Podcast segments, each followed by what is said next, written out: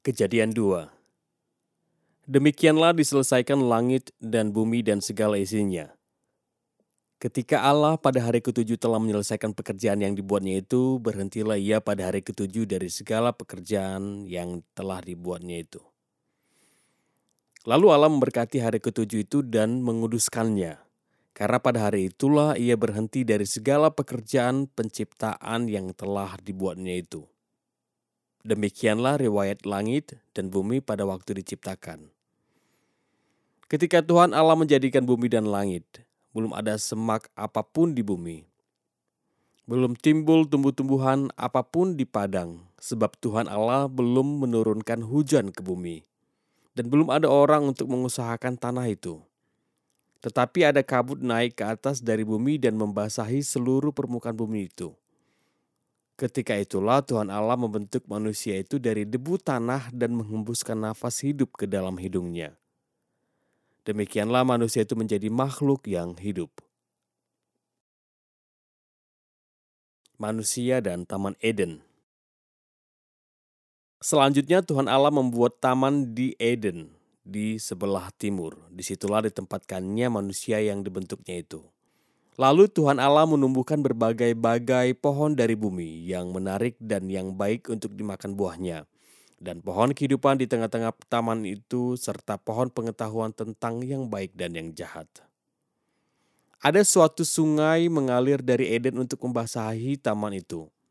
Dan dari situ sungai itu terbagi menjadi empat cabang. Yang pertama namanya Bison, yakni yang mengalir mengelilingi seluruh tanah Hawila tempat emas ada, dan emas dari negeri itu baik. Di sana ada damar bedolah dan batu krisopras.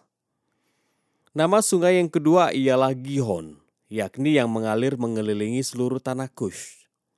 Nama sungai yang ketiga ialah Tigris, yakni yang mengalir di sebelah timur Asyur. Dan sungai yang keempat ialah Efrat Tuhan Allah mengambil manusia itu dan menempatkannya dalam Taman Eden untuk mengusahakan dan memelihara taman itu. Lalu Tuhan Allah memberi perintah ini kepada manusia. Semua pohon dalam taman ini boleh kau makan buahnya dengan bebas. Tetapi pohon pengetahuan tentang yang baik dan yang jahat itu janganlah kau makan buahnya.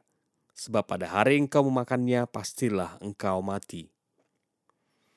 Tuhan Allah berfirman, tidak baik kalau manusia itu seorang diri saja Aku akan menjadikan penolong baginya yang sepadan dengan dia. Lalu Tuhan Allah membentuk dari tanah segala binatang hutan dan segala burung di udara. Dibawanya lah semuanya kepada manusia itu untuk melihat bagaimana ia menamainya.